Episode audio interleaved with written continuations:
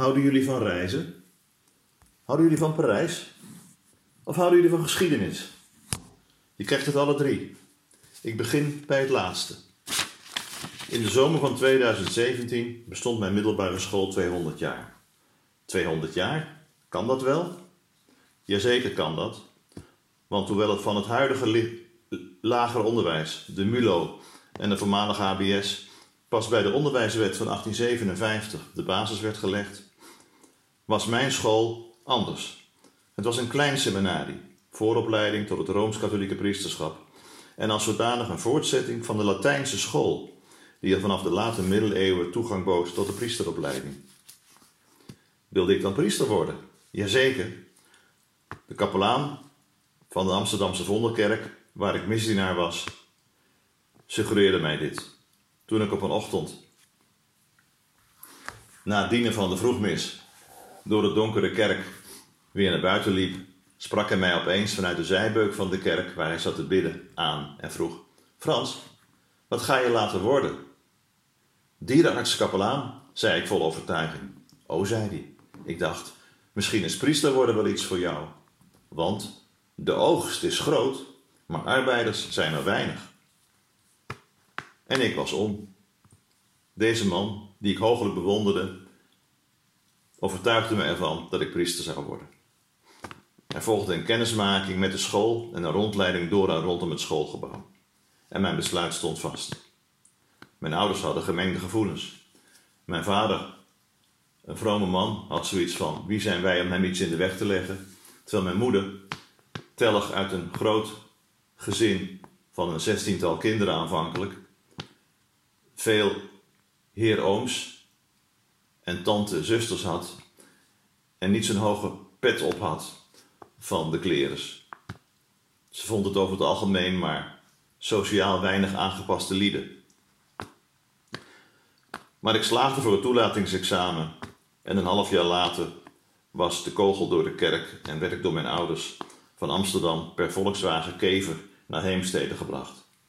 Daar nam ik afscheid van ze en met nog negentig andere jongens werd ik binnengeleid door de hoofdingang, de Porta Cieli, van het kleinseminarie Hageveld van het bisdom Haarlem.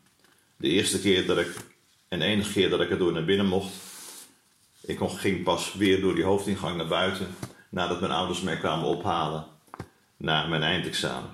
Wat is het voor een gebouw? Het is gebouwd en op in 1922-23. Groot, kasteelachtig, symmetrisch. Met een voorhuis, een middenhuis en een achterhuis. Een enorme zolder over het hele gebouw en een even zo grote kelder daaronder. Het voorhuis bevatte de twee kamerappartementen en de eetzaal voor de priesterleraren, alsmede een grote bibliotheek waar ik dadelijk nog over kom te praten. Het middenhuis bevatte rechts de aula, waar toneel- en filmvoorstellingen werden gegeven. Links de grote eetzaal, refter geheten, en een keuken met enorme kookpotten. En in het midden de kapel. Een ovale kapel met een even ovale koepel, waarin de tekst was gebeiteld aan de binnenzijde. Dit in het Latijn, dit zijn heilige mannen. Niet gij hebt mij, maar ik heb u uitverkoren. En die tekst keek al die jaren op ons neer als wij naar de mis gingen, s ochtends vroeg, of naar het lof of naar andere gebedsdiensten. Het achterhuis had op de begane grond leslokalen. Links voor de kleine kant, klas 1 tot en met 2, en rechts voor de grote kant, klas 3 tot en met 6. Die lokalen lagen aan de binnenzijde van de lange gang. Aan de buitenzijde lagen studiezalen en ontspanningsruimte. Op de eerste verdieping twee grote slaapzalen, boven de kleine en boven de grote kant heen. Met chambrettes. Kubussen van 2 bij 2 bij 2 meter, zonder plafond, afgesloten met van huis meegenomen gordijnen. Een kleurig gezicht. Zelf had ik, herinner ik mij, van ploegstof gordijnen met gestileerde pauwen in blauw en groen. En de waszak, waar ik mijn vuile was in deed, was van dezelfde stof gemaakt. In de chabettes een bed, een hanglegkast, een krukje en een kleine wastafel. De zolder was enorm. Verboden terrein voor de leerlingen, aanvankelijk althans nog. En er waren heel veel spullen opgeslagen, met name ook toneelrequisieten, want aan toneel werd veel gedaan op Hageveld. De kelder onder het hele gebouw was even groot.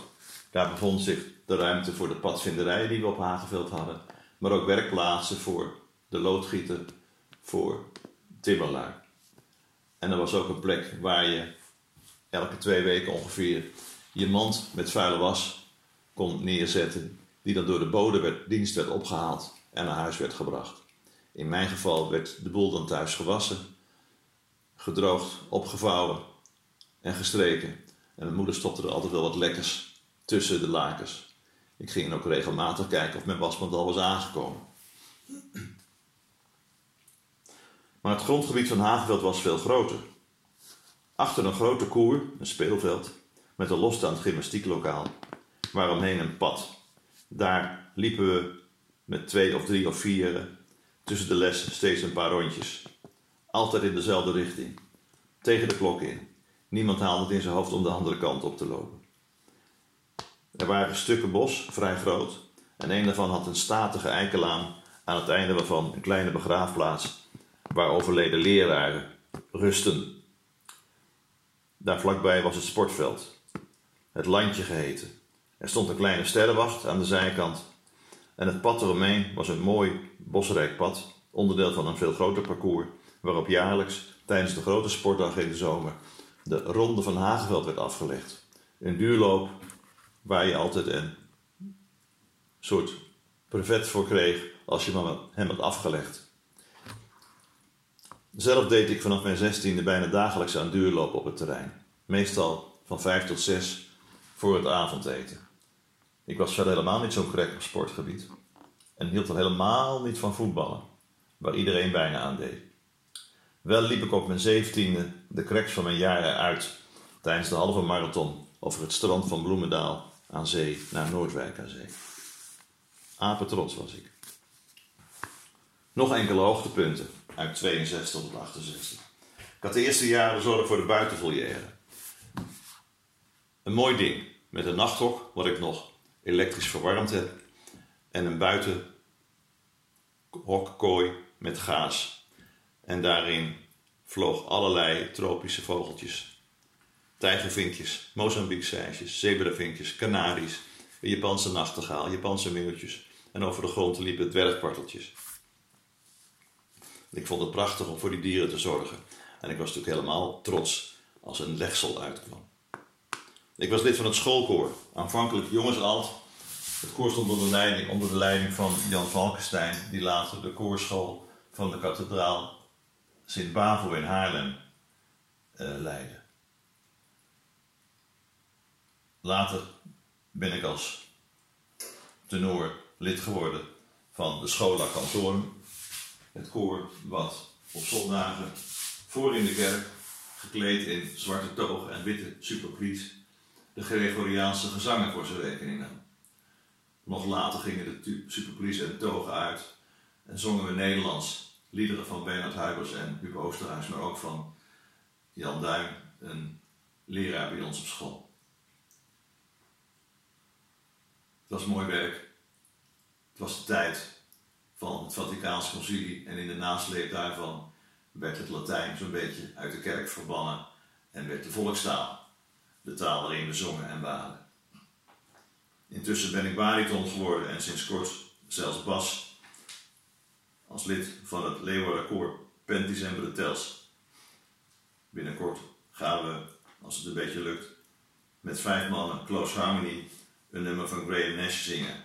My house is a very, very, very fine house. Nou, dat was Hageveld ook, zoals je het mijn verhaal kunt opmaken. In de aula zagen we films. Onder andere met Fernandel als Don Camillo, films uit de jaren 50 waar ik vreselijk om moest lachen. Was een prachtige ruimte die aula. Daar speelde ik in 65 de rol van Pyramus in Pyramus en Tisbe uit Shakespeare's Droom van een Midzomernacht. In het voorjaar van 66 iets heel anders, een clandestine actie van enkele klasgenoten. Die kropen s'avonds stiekem de bibliotheek in en zetten de gipsen borstbeelden die voor de ramen van de bibliotheek stonden op houten sokkels Die draait een half slag om, legde soutanes, om de schouderpartij en kropen zelf in die soutanes en staken hun armen door de mouwen. Plotseling ging het licht aan en ik, die ook in het complot zag, zag buiten onder een boom. Hoe? Joost van der Vondel in zijn neus peuterde, Julius Caesar op zijn kale kop krabde en Descartes een sigaretje rookte. Maar nog mooi was dat ik er getuige van was dat de regent, de directeur van het internaat en de rector van de school op hun rondje kuilend om het gebouw heen het ook zagen. En ik zag dat ze hun pas versnelden en krampachtig hun lachen probeerden in te houden. Ze hebben er kennelijk van genoten, dus de actie was geslaagd. Mijn gloriemoment had ik in november 66, in mijn titelrol in het toneelstuk Becket of de Heer van God van de Franse toneelschrijver Jean Anouilh. Dat stuk was in 64, twee jaar eerder al verfilmd, met Richard Burton en Peter O'Toole in de hoofdrol. Het was het verhaal van Thomas Becket, vriend en later kanselier van koning Hendrik II van Engeland. Begin 12e eeuw. Twee losbollen waren we, achter de vrouwen aanzittend en flink zuipen. En die vrouwen, dat waren echte vrouwen voor het eerst in de geschiedenis van Hageveld. Want leerlingen van de nabijgelegen kweekschool waren uitgenodigd om mee te spelen. Het was een prachtig stuk. Ik ben er hard aan getrokken. Wel een half jaar gerepeteerd. Soms zelfs lessen voor laten liggen. Studieuren. Er werd een prachtig decor gebouwd. Heel modern. De aula was opgeknapt. De verlichting was vernieuwd. Er was een nieuwe ijsinstallatie gekomen voor de decorstukken. Kortom, bijna professioneel theater lijkt het wel. Drie keer hebben we het opgevoerd, het stuk. De eerste keer voor de leerlingen en de medewerkers van Hagenveld. De tweede keer voor de ouders van de leerlingen. En wij vroegen de rector als crew en cast van het stuk of het nog een keer een derde keer mocht. Namelijk voor de omwonenden van Hagenveld. Inwoners van Heemstede en andere plaatsen in de buurt. Dat mocht, zodat we niet na één keer of twee keer al de kater hadden van... Goh, hebben we daar nu zo lang voor gewerkt? Nee, het was geweldig. We kregen prachtige kleding aan met mooie nepjuwelen. We werden gesminkt door professionele sminkers uit Amsterdam. Het was geweldig allemaal. Voorjaar 67. Hageveld bestaat 150 jaar. De enorme zolder wordt opgeruimd en uitgebreid, versierd en beschilderd. Onder andere door onze tekenleraar Willem Snitke. Er vonden allerlei optredens plaats op die zolder, muziek en zang. En toneel. Herfstvakantie 67. Mijn eerste stappen buiten de wereld, de beschermde wereld van Hageveld en thuis. Net als mijn oudere broers en zus wilde ik meedoen in de herfstvakantie aan de tweedaagse Pax Christi voettocht. Ik kwam in een groep met jongens en meisjes van mijn leeftijd, allemaal eindexamenklanten. En we liepen het traject van Litoia aan de Maas naar Den Bosch. Onderweg sliepen we ergens, denk ik, in een stal of schuur, dat herinner ik me niet meer. Praat onderweg over van alles wat je als jongens en meisjes van die leeftijd bezighoudt. En we zongen allerlei liederen, veelal religieus, semi-religieus, in allerlei talen. Onder andere was er het, het lied in die tijd, het routelied. Toute longue longue plaine van de Franse zanger, priester Jesuit en Duval, die begin jaren 60 ook nog eens heeft opgetreden in Amsterdam.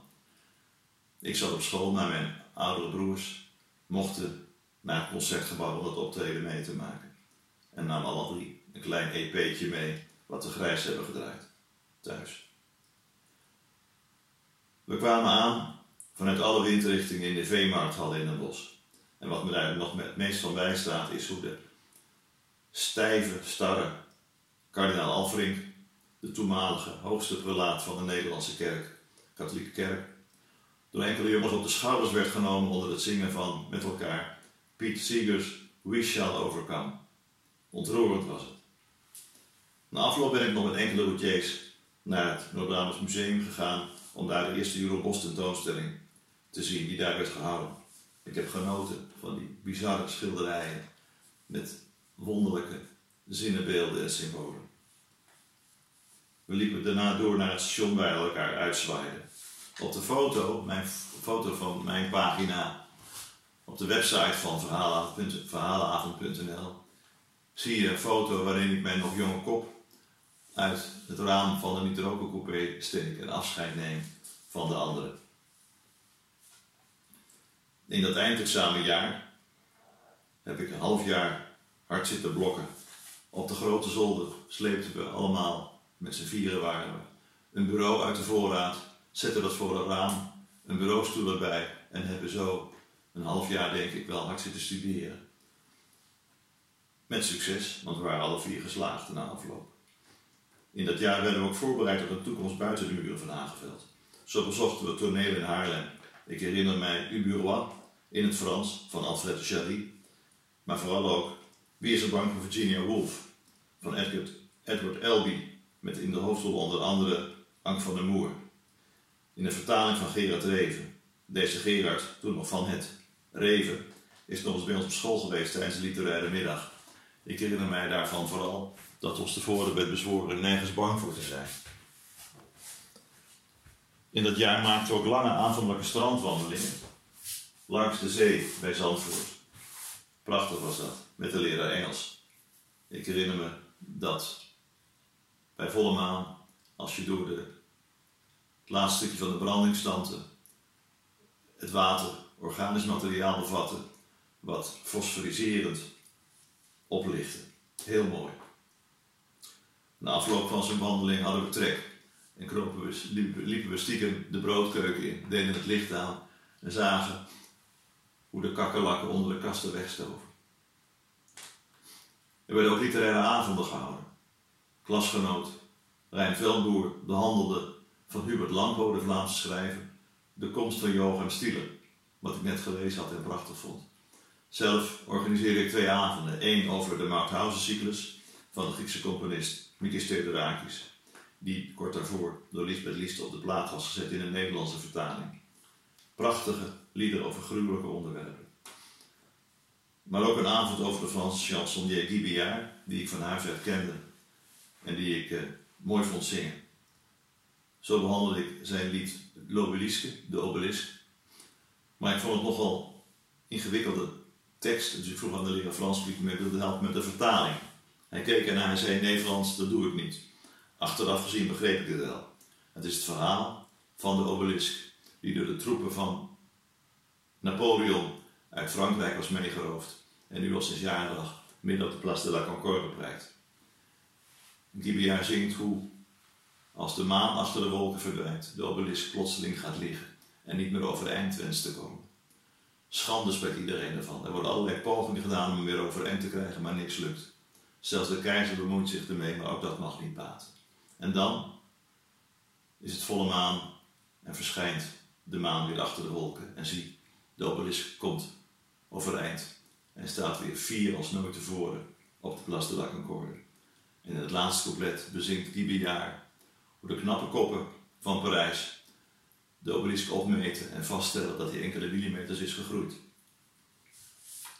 Nou, dit is een mooi opzetje voor het allergrootste hoogtepunt van mijn schooltijd, de reis naar Parijs. Zomervakantie 67. Onze leraar Frans, meneer Braakman, ging al sinds jarendag op zijn rode Yamaha-motor naar Parijs om daar de pastoor te vervangen op een klein eiland in de Seine, het Ile Saint-Denis, in de Église Saint-Pierre. Wij stelden voor, goh, als u nou dit jaar weer gaat, kunnen we niet met, met elkaar een busje huren en dat wij met u meegaan, als u chauffeur wilt zijn tenminste. Nou, dat vond meneer Braakman een goed idee. En zo gingen wij met acht jongens in een VW-bus en Dirk Braakman achter het stuur naar het Ile Saint-Denis. Onderweg even Laon aandoet en daar de prachtige kathedraal bezichtigt. Op het eiland kregen we gratis inwoning. We sliepen op het podium van het toneelzaal van het parochiehuis en we aten steeds, ochtends en s avonds, in de woonkeuken van de pastorie. Enige tegenprestatie, we moesten op zondag met z'n achten op het eh, orgelkoor, op de koorzolder zingen tijdens de hoogmis. En dat deden we. Gewoon Nederlandse liederen van Huibers en Oosterhuis. Dat was helemaal prima. En elke ochtend een uitgebreid ontbijt van stokbrood met Goudse kaas. Franse kaas leek ons niks, dus namen een hele grote hoepel Goudse kaas mee achter in de bus vanuit Nederland. Met een grote koppen koffie en liepen vervolgens een uur naar het beginpunt van metrolijn 4, de Porte de Clignancourt. En dan verder met de metro naar het centrum, de hele dag Parijs in. Wat hebben we wel niet gezien? Het, George, het Centre Culturel Georges Pompidou in aanbouw, Pompidolium in de volksmond genoemd. Eindeloos gezworven door de immense zaal van het Louvre. Gebanjerd over Montmartre, Place du Tetre. De Sacré-Cœur opgeklommen, eerst de kerk in, maar later ook omhoog, tussen bij de, de, koepels door, over smalle ladders, wat eigenlijk niet mocht, maar we deden het toch. Door het Quartier Latin, door de weg Saint-Germain-des-Prés op de linker Seinehoever. Om de Arc de Triomphe gelopen. Napoleon bezocht in zijn graf in het Dom des Invalides. We moesten ons over een reling heen buigen om in de diepte zijn tombe te zien liggen. Een noodgedwongen eerbetoon postuum aan deze kleine keizer. De Notre-Dame die toen nog intact was bezichtigd. Vooral genoten van de Sainte-Chapelle met zijn prachtige glas in loodramen, zowel op de begane grond als op de bovenkapel. Over de Place de la Concorde gezworven, de Madelainekerk gezien. Me verbaasd over de prachtige panden rond het kleinere Place des Vosges, waar nu grote, en toen ook al, grote juwelierszaken zaten, onder andere die van Cartier. In het Maison Rodin geweest. Een oud pand met krakende houten trappen, glimmend van de boen was, met beelden van de beeldhouwer, onder andere Le Penseur, op de, tussen, op de entresols tussen de trappen en, en in kleine zalen. Buiten stonden groepsbeelden van hem in de tuin, zoals de burgers van Calais. We liepen door de Jardin de Luxembourg, maar het hoogtepunt waren Les Halles. Op een nacht de Hallen van Parijs, de oude Hallen. Op een nacht zijn we om half drie opgestaan en na een ontbijt van koffie en druiven werden we door de Volkswagenbus van meneer Braakman naar de hal gebracht. En ik heb mijn ogen eruit gekeken. Enorme complexen van kramen met vlees, vis, groenten en fruit. Halve koeien werden door showers in witte kleding naar binnen gesjouwd, naar binnen gedragen. Ik zag soorten vis waar ik er nooit van gehoord had. Laat staan gezien, groot en klein. Heel veel verschillende soorten groenten. Artichok had ik er nooit van gehoord en ook nog nooit gezien, maar die lagen daar in grote hoeveelheden. En het meest mooie fruit wat je maar kunt bedenken. Twee jaar later, in 1969, zijn de hallen afgebroken en verplaatst naar een wijk buiten de stad, zodat het bereiken van die markthallen voor de steeds groter wordende vrachtwagens makkelijker werd. Na afloop van deze geweldige ervaring in een van de eetentjes rondom de hallen boeienbest gegeten, soep van resten vis en schaaldieren. Ik vond het hartstikke lekker. En vorig jaar ben ik met Marianne, mijn vrouw, naar Frankrijk geweest, naar Marseille en later naar Cassis-sur-Mer, ten zuidoosten van Marseille, en hebben daar aan de haven weer boeienbest gegeten. Zij vond er niet veel aan, ik vond het lekker. Alleen wel tien keer zo duur als destijds in Parijs. Nou, na dit soort dagen gingen we s'avonds moe maar zeer voldaan weer terug naar de pastorie. En het laatste uur lopen vanaf Porte-Clignancourt naar, naar die pastorie was wel even afzien. We maakten nog een uitstapje met de Volkswagenbus naar het enorme paleis van Versailles en de tuinen daaromheen. Er was toen nog geen Disneyland, geen Parc Asterix en ook geen Grand in de nieuwe wijk La Défense ten noordwesten van Parijs. Ten slotte nog iets over de huishoudster. Een talige, wat oudere, ik schat in 60-jarige, magere vrouw die in een jasschort het huishouden bestierde. Ik herinner mij vooral hoe ze gebukt op haar blote knieën over de stoep voor de pastorie, deze stoep met water en groene zeep en borstel schoonschrobde. Deze vrouw nodigde ons uit om bij haar thuis te komen eten. Wij waren wat gegeneerd, want dachten, kan, kan, ze dat, kan zij zich dit wel veroorloven, acht van die jongens magen te vullen. Maar meneer Braakman zei, doe het nou maar, anders beledig je haar. Dus bracht hij ons op een gegeven avond naar haar huis. En daar stond de huishoudster in een mooie jurk met prachtige juwelen om. Op ons te wachten bij de ingang van een heus kasteel waar zij met haar zoon de scepter zwaaien. We werden genoten aan een enorme tafel waarop prachtige kandelaars en enorme bloemstukken stonden.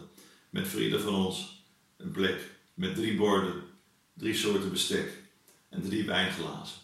We hebben vast heel lekker gegeten, maar ik was vooral verbijsterd door het contrast.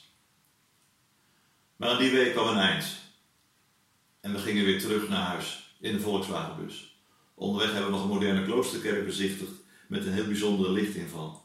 Misschien was hij wel van Le Corbusier, de befaamde Franse architect uit het begin van de vorige eeuw. Dat weet ik niet meer. En zo werd ik, ik denk als eerste zaterdag namiddag thuis afgezet in de Amsterdamse Vondelstraat. Het zat erop. Wat een prachtige week was dat.